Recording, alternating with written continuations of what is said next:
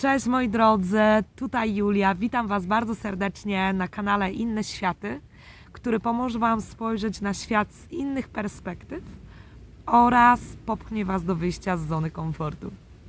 Dzisiaj nadaję do Was z mojej prywatnej dżungli, do której za niedługo się przeprowadzę. Pomyślałam, że zrobię chwilę przerwy, żeby coś Wam opowiedzieć, dlatego że od rana walczę i to w takim dosłownym sensie walczę. To już jest mój drugi nóż, bo pierwszy się stępił. Yy, obcinam drewno, które spadło. Mam bardzo dużo tutaj palm olejowych, także też staram się doprowadzić je do fajnego kształtu. No i walczę też z moim najmniejszym, ale tym samym najgroźniejszym wrogiem, tiririką. I to jest tak ostre, przecina to jak papier, więc mimo, że jest ciepło, muszę chodzić w długich spodniach, ale nie zniechęca mnie to. Dzisiaj, co chcę Wam opowiedzieć? Dużo osób pyta mi się, dlaczego wyprowadziłam się do Brazylii. I myślę, że dzisiaj chcę poruszyć z Wami ten temat. Więc tak naprawdę cała historia z Brazylią zaczęła się jeszcze za czasów mojego dzieciństwa. I myślę, że nie jestem jedyną i wśród Was również znajdą się tacy, którzy na Mistrzostwach Świata zawsze kibicowali Brazylii. I ja jestem jedną z tych osób. Ale nigdy ten kraj nie był jakąś moją obsesją i w mojej głowie on znajdował się na tyle daleko, że tak naprawdę nie podejrzewałam, że mogę tutaj wylądować w którymś momencie. Ale 10 lat temu, kończąc moją wyprawę po Bałkanach i przeprowadzając się do Amsterdamu, stwierdziłam, że kolejnym celem jest wyjechanie do Ameryki Południowej i zjechanie autostopem tego kontynentu. Potrzebowałam chyba troszeczkę większego wyzwania niż było to w Europie. Po kilku latach zbierania funduszy, organizowania się również mentalnie, zorganizowałam się razem z moim znajomym z widzenia, Krzysiem, który był niesamowitym partnerem podróży, od którego się nauczyłam wielu rzeczy. I pozdrawiam Ciebie serdecznie, Krzysiu. Y, tak naprawdę zdecydowaliśmy się, że nie będziemy podróżować po Brazylii. Odstraszało nas to, że wiele ludzi mówiło o tym, jak jest niebezpiecznie. Język portugalski w ogóle nic nam nie mówił. Nie byliśmy w stanie nawet wymienić pięciu słów. Stało się tak, że znaleźliśmy bardzo okazyjny rejs statkiem transatlantykiem. do Salwadoru. Salwador jest, mówię o mieście, a nie o kraju. To jest stolica stanu Bahia, który jest mniej więcej wielkością takiej jak Polski. To stan, który znajduje się na środku wschodniego wybrzeża Brazylii. Taka wskazówka dla tych, którzy chcieliby wyruszyć do Ameryki Południowej i byliby ciekawi, jak wygląda przeprawa przez ocean tak ogromną maszyną. Chyba nie widziałam nigdy w życiu większej maszyny. Z samej długości miał 278 metrów bodajże i 13 bądź 14 pięter. Także możecie sobie wyobrazić po prostu kolos. Jak my zobaczyliśmy w porcie ten statek, to no ja nie wierzyłam, że, że to jest możliwe takie coś ogromnego wybudować. Raz w roku kiedy kończy się sezon w Europie, czyli mniej więcej w okolicach listopada, firmy, które organizują tego typu rejsy, przemieszczają te statki na inny kontynent, na którym jest ciepło. W tym przypadku jest to Ameryka Południowa. Dlatego przeprawa tym statkiem razem z wyżywieniem kosztowała tyle, ile lot samolotem. Cały rejs trwał 9 dni. Dotarliśmy do Brazylii i naszym planem było ruszenie do Rio de Janeiro, potem przekroczenie granicy z Urugwajem i dalej już zwolnienie tempa tej wyprawy.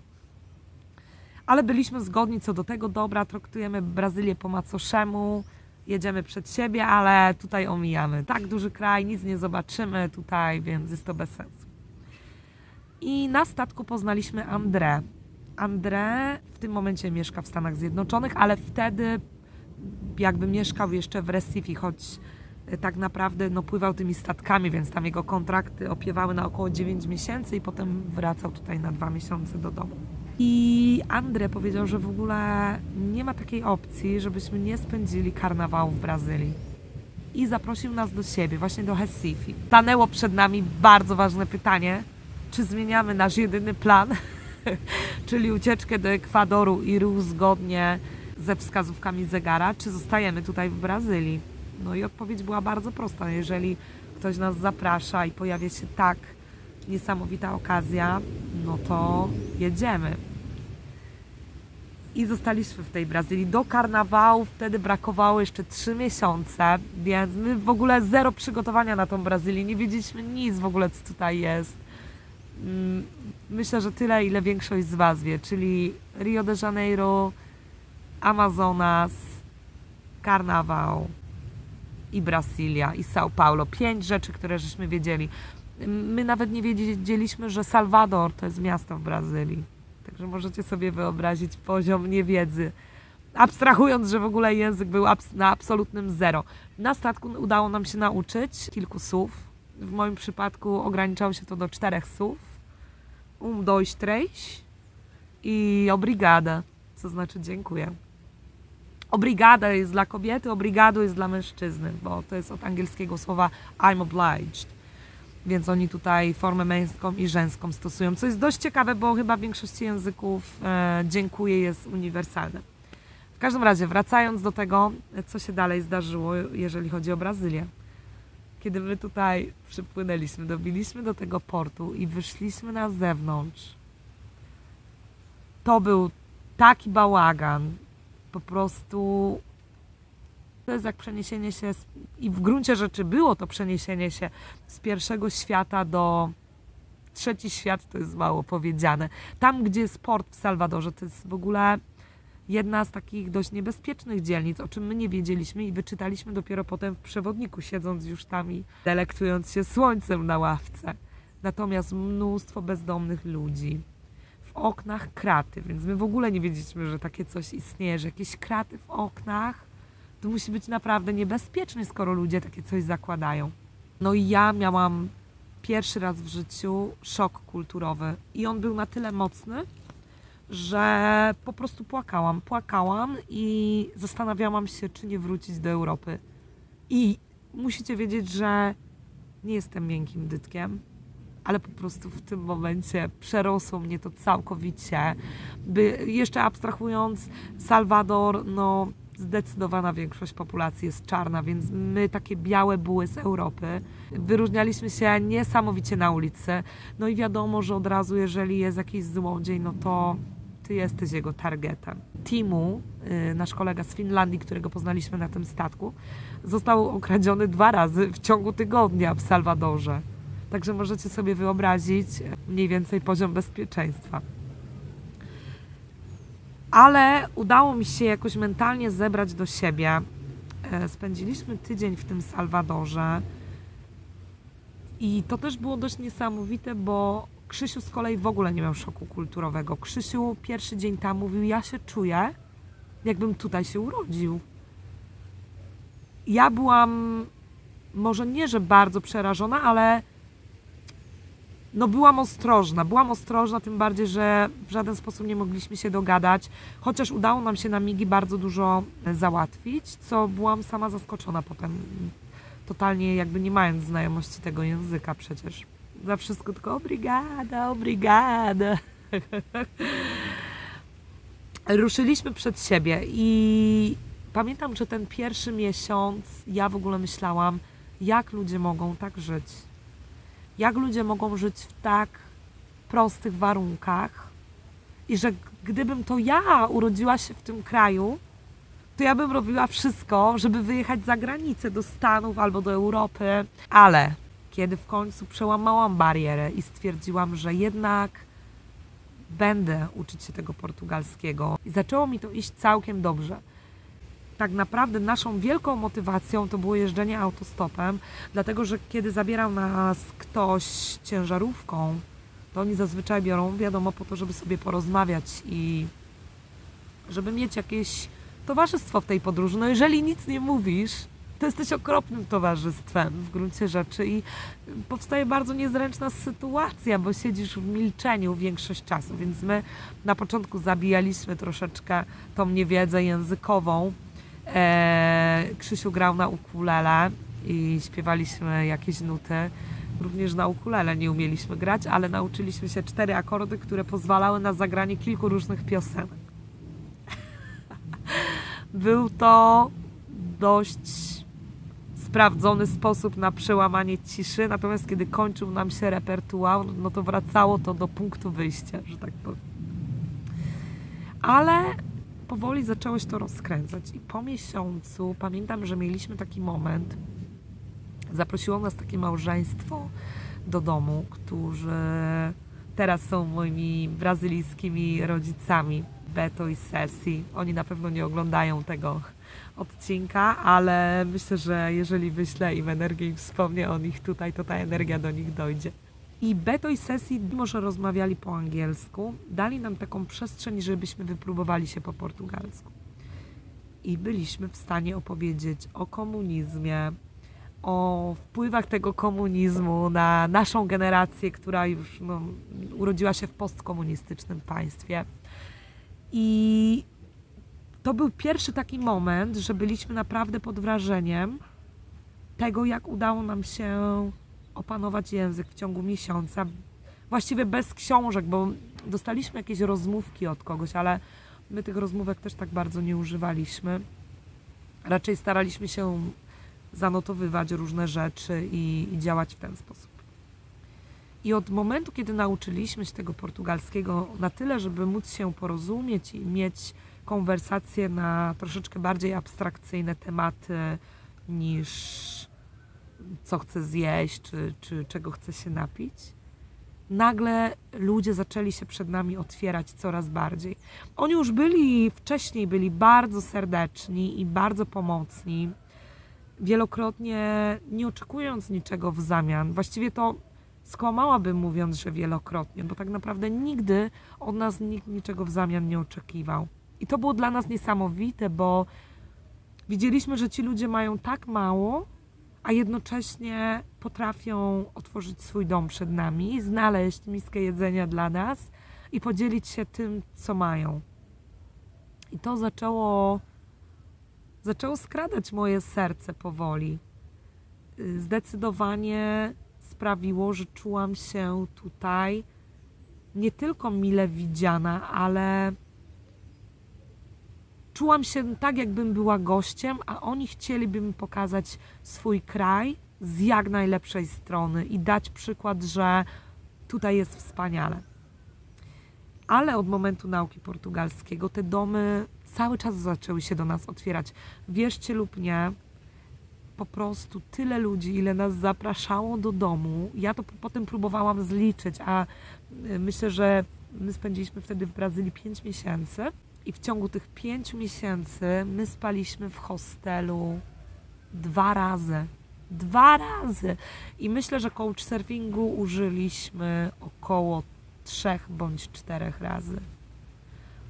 Resztę albo spaliśmy w namiocie i to zazwyczaj było w tranzycie, dlatego że jeżeli brał nas ktoś tirem, potem się umawialiśmy, jedziemy na następny dzień, no to spaliśmy przy postu do gazolina, przy, przy stacji benzynowej która jest w ogóle, jest świetnie y, spać na stacjach benzynowych w Brazylii, ale myślę, że o tym zrobię Wam jeszcze y, inny odcinek. Y. Ale stacje są idealne, bo jest ochroniarz, jest woda, można się umyć, są łazienki, jest restauracja, no jest fantastycznie. Ale zazwyczaj, jeżeli utknęliśmy gdzieś na wiosce, to ludzie, nie no, gdzie, w jakim namiocie, chodźcie do nas do domu. Więc tutaj, kiedy ktoś zaprasza Cię do domu, to nie tylko, że jesteś jego gościem, ale przede wszystkim stajesz się członkiem jego rodziny na chwilę i absolutnie nie odczuwasz tego, że jesteś gościem. Oni cię traktują po prostu od wejścia do domu, jakbyś był świetnym przyjacielem, jakbyś po prostu należał do ich rodziny i przynajmniej przebywał tam dwa razy w tygodniu. I to pokazało mi coś, co ja już widziałam w Europie, na Bałkanach, tą gościnność, niesamowitą gościnność, niesamowite otwarcie, ale pokazało mi to o tyle głębiej, że wchodząc do domu tych ludzi, wielokrotnie widzisz, że no tam jest bieda. Ludzie śpią na materacach albo na przykład na hamakach, bo ten hamak jednak jest tańszy niż materac Widzisz, że je się na plastikowych talerzach na przykład, no, że w lodówce prawie nic nie ma, yy, że dużo jakichś rzeczy jest rozwiązywanych tak, taką, taką prowizorką, można powiedzieć, bo nie ma pieniędzy, żeby na przykład kupić coś, jeżeli się zepsuje, więc stara się człowiek to jakoś rozwiązać po prostu bez pieniędzy. W ogóle oni są mistrzami w tym, jeżeli chodzi o myślanie rzeczy niczego. No ja myślę, że MacGyver był Brazylijczykiem. Myślę, że absolutnie nie jest to przesadzone. I tak do karnawału minęło nam trzy miesiące, przez które poznaliśmy ogrom wspaniałych ludzi. I wielokrotnie nam się zdarzyło, że na przykład żegnając się z kimś, ludzie płakali, że wyjeżdżamy.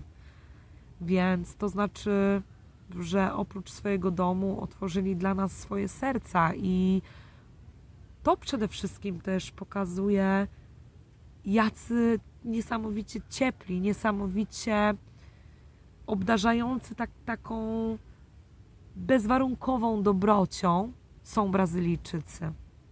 I co ciekawe, nawet ci biedni ludzie nigdy nie chcieli od nas pieniędzy za nic. Za nic. Za autostop. Yy, mało tego, wielokrotnie tirowcy gotowali nam obiady, czy nawet zapraszali nas, gdzie naszym takim założeniem było, że jeżeli ktoś nas bierze daleko, to chociaż na ten obiad go zaprosimy, żeby odwdzięczyć mu się w jakiś sposób. Ale wielokrotnie oni nie chcieli, żebyśmy my płacili, oni chcieli za nas zapłacić. I to był taki pierwszy stopień, gdzie pomyślałam, że jednak mogłabym tu mieszkać. I kiedy powiedziałam to mojej mamie, ona powiedziała: Ale Julia, przecież kiedy przyjechaliście do Salwadoru, mówiłaś, że za Chiny ludowe byś nie mogła tutaj mieszkać, że w ogóle nie umiesz sobie wyobrazić, jak ci ludzie funkcjonują. Ale bardzo szybko się to zmieniło i absolutnie poczułam się Brazylijką po prostu. Chyba po, po, potrzebowałam to odkryć. I potem już wyjeżdżając z Brazylii i, i, jadąc przez inne kraje, ja za każdym razem czekałam, kiedy my dojedziemy do Brazylii, żeby zjeść moją ulubioną potrawę, czyli standard obiadowy brazylijski. Fasolę z ryżem i sałatką i jakąś tam rybą albo mięsem. A w tamtym czasie jeszcze, jeszcze jadłam mięso. I czułam się jak u siebie Zdecydowanie. Więc znowu wjechaliśmy do Brazylii. To było Foz do Iguaçu, a potem w stanie Rondonia i Acre, a potem do góry w stanie Roraima. Za każdym razem czułam się tak, jakbym wracała do domu. I przyjemność z umiejętności już potem rozmowy normalnie po portugalsku, z możliwości używania tego języka, z możliwości połączenia się z tymi ludźmi na głębokim poziomie była tak wielka we mnie, że stwierdziłam, że to nie jest przypadek, bo jednak zjeździłam w moim życiu troszeczkę, myślę, że około 50 krajów. I oprócz Brazylii czułam się podobnie jeszcze w Serbii na koniec naszego e, pobytu tutaj były momenty, że ludzie myśleli, że jesteśmy z Brazylii, z południa i dopiero mówią, a, bo akcent was zdradził na sam koniec na przykład, kiedy pytaliśmy się, czy ktoś nas podwiezie. Ludzie nie chcieli już nam się tak łatwo zatrzymywać, bo no, paliliśmy się dość mocno, więc w ogóle nie wyglądaliśmy na Europejczyków. No i byliśmy już też po, po 13 miesiącach podróży, więc mieliśmy trochę obdarte te ciuchy, już nie byliśmy tacy czyściutcy jak wcześniej. No i teraz myślę, że dochodzę do sedna, dlaczego tutaj się przeprowadziłam. Kiedy wróciłam do Europy, zobaczyłam, jak wiele my mamy i jak nie potrafimy się tym dzielić jak bardzo nie doceniamy tego bogactwa. W ogóle nie widzimy, że tak naprawdę 80% rzeczy, które mamy, w ogóle nie jest nam potrzebne.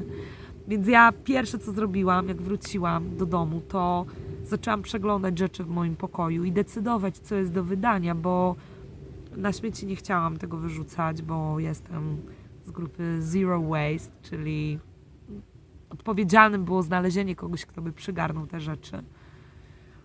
ale jednocześnie czułam się tak obco, czułam się tak niezrozumiana.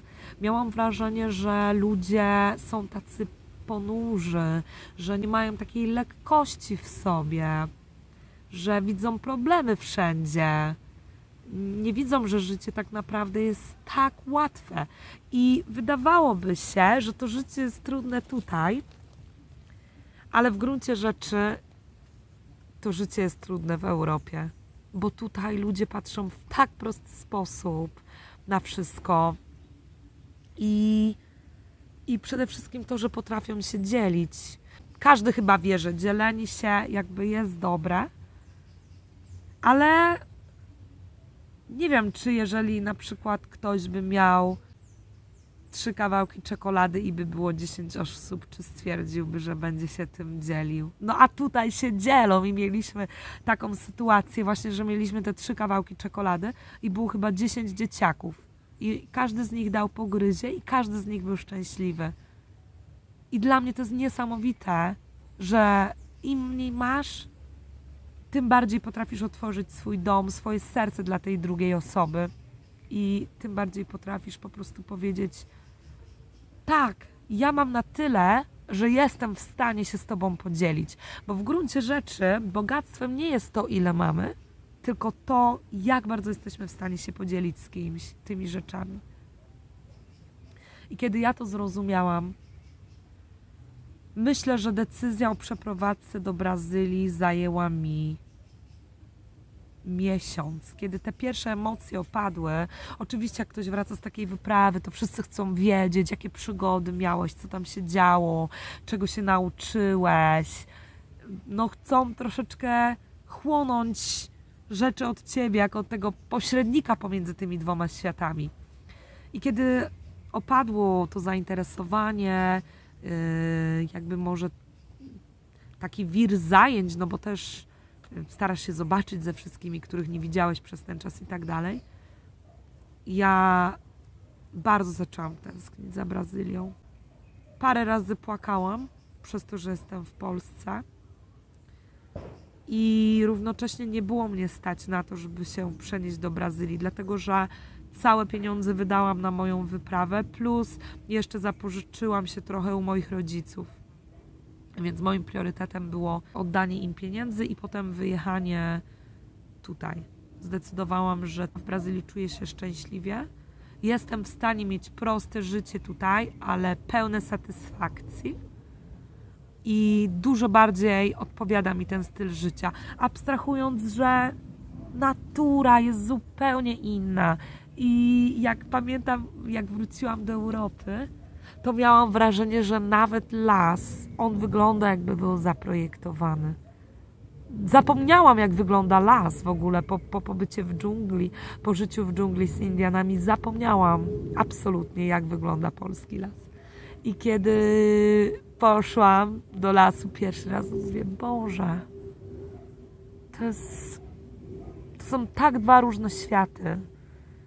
To są tak różne sposoby myślenia mam wrażenie, że w Polsce i w ogóle w Europie my tak gonimy za tym dobrobytem. I zapominamy, że życie się toczy teraz, teraz, w tym momencie. Wiadomo, czy za chwilę, nie wiem, nie umrę na przykład, coś mi się nie stanie, czy na przykład nie stanę się niepełnosprawna i zostawiam całe to życie po to, żeby teraz zarabiać, się dorabiać i potem być może żyć. Kiedy? Na emeryturze, jak już się dorobię. Więc to był jeden z takich chyba najważniejszych powodów, dla którego się przeprowadziłam. I drugim powodem był klimat. Ja nie lubię zimna, mimo że uwielbiam jeździć na łyżwach, to zimno to jest dla mnie wielkie nie, nie. Więc dla mnie taki klimat jak tutaj, e, jesteśmy około, wydaje mi się, około tysiąca kilometrów od równika, no to to jest idealne, tak, dlatego że jest ciepło, ta temperatura prawie się nie zmienia, masz jedne, jedne ciuchy przez cały rok, tam wieczorem sobie założysz długi rękaw i to ci minimalizm absolutnie starcza, więc również możesz się nauczyć tego minimalizmu. Minimalizm w Brazylii w ogóle jest taki dość szeroko rozpowszechniony. Wiele ludzi nie ma pralek, na przykład uczysz się prać w rękach, więc również uczysz się nie brudzić tych ubrań tak szybko jak w Polsce. Wiele ludzi ubierze coś jeden, dwa razy i wyrzuca to do prania. Tutaj starasz się no tyle, ile możesz, powiedzmy, to nosić. Chociaż Brazylijczycy są niesamowicie schludnymi osobami i bardzo dbają nie tyle o to, żeby wyglądać modnie, co wyglądać schludnie, czysto, zadbanie. I zrobiłam takie rozpoznanie, jak wygląda życie w Brazylii, jeżeli chodzi o zarobki, jeżeli chodzi o czas wolny. I zdecydowałam, że dużo bardziej opłaca mi się siedzieć tutaj i pracować, robiąc to samo co w Europie. Przez jakiś czas robiłam, e, czyli ucząc angielskiego, niż uczyć angielskiego w Europie. I nie pomyliłam się, bo w tym momencie wynajmuję sama cały dom razem z ogrodem, na którym jeszcze mam drzewa owocowe. Dom ma taras z przodu i taras z tyłu, dwie sypialnie, kuchnię, łazienkę. Jest to bardzo proste budownictwo, ale nie zmienia to faktu, że w Europie nigdy nie byłoby mnie na to stać, żeby móc sobie spokojnie żyć, odkładać pieniądze i jeszcze mieszkać w domu. Więc stwierdziłam, ok, to jest moja szansa i muszę z tego skorzystać. I wyjechałam. Zajęło mi to rok i cztery miesiące, żeby wyjechać. I to był jeden z najszczęśliwszych dni mojego życia. Jak dojechałam tutaj do Brazylii, czułam się jak, jakbym wróciła do swojej ojczyzny. I stwierdziłam, tak, to jest po prostu idealny znak, że jestem w domu. No i oprócz tego wolność, tak, wolność e, religijna, wolność do bycia tym, kim chcesz być, robienie tego, na co masz ochotę, nie liczenie się tak bardzo z opinią społeczną i z takim ostracyzmem. Tutaj właściwie no, nie ma takiego ostracyzmu, jest to trochę takie nieznane, a wydaje mi się, że w Europie byli robić coś innego i to jest bardzo różne to szczególnie w Polsce mam wrażenie, że spotykasz się z wielkim ostracyzmem. Jestem tutaj obecnie od 3 lat i 5 miesięcy i nie miałam ani jednego momentu, w którym bym myślała, że powinnam wrócić do Europy. Wręcz przeciwnie. Im dłużej tu jestem, tym jestem pewniejsza, że mój wybór był dobry. I myślę, że co jest najważniejsze z tego wszystkiego, jestem tutaj nieporównywalnie szczęśliwsza niż w Europie. Codziennie rano, jak się budzę, cieszę się, że jest ten nowy dzień i że jestem tutaj w Brazylii i żyję w taki sposób, jak chcę. I mimo, że jestem sama tutaj, daję radę, udaje mi się osiągać moje cele, mam więcej czasu, żeby żyć. Nie muszę tyle pracować to mi daje niesamowitego powera. Czasem mam koszmary senne, że jestem w Polsce i że nie mam pieniędzy, żeby wrócić do Brazylii. Mówię, co się dzieje z moimi psami? Kto został z moimi psami? Jak ja teraz wrócę do Brazylii? Dlaczego ja w ogóle przyjechałam do tej Polski? I wydaje mi się, że takie podświadome sygnały to jest najlepszy znak na to, że podjąłeś dobrą decyzję. Więc chyba taki wniosek z dzisiejszego dnia, z dzisiejszego nagrania właściwie, jest taki, że jeżeli marzycie o czymś, to słuchajcie głosu swojego serca i nie patrzcie na to, że będzie trudno, bo przeciwności losu zawsze mogą się trafić i zawsze się trafiają. Ale jeżeli spojrzycie w swoje serce i ono wam powie: Ja pragnę tego, to nie patrzcie na przeciwności, tylko bierzcie krok po kroku i do przodu.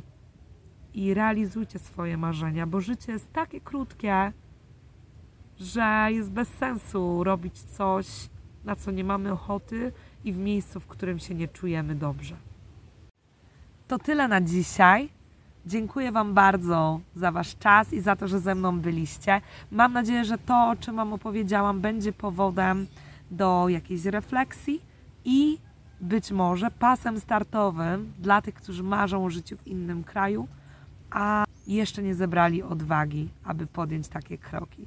Nie ma na co czekać. Działamy. Cześć, ściskam Was i do usłyszenia. Podobał Ci się ten filmik? Kliknij łapkę w górę i zasubskrybuj mój kanał. Jeśli chcesz dowiedzieć się czegoś więcej o Brazylii, napisz o tym w komentarzu, a ja zadbam o to, aby zaspokoić Twoją ciekawość. Zapraszam Cię także do odwiedzenia mojego Instagrama i Facebooka. Dziękuję i do usłyszenia.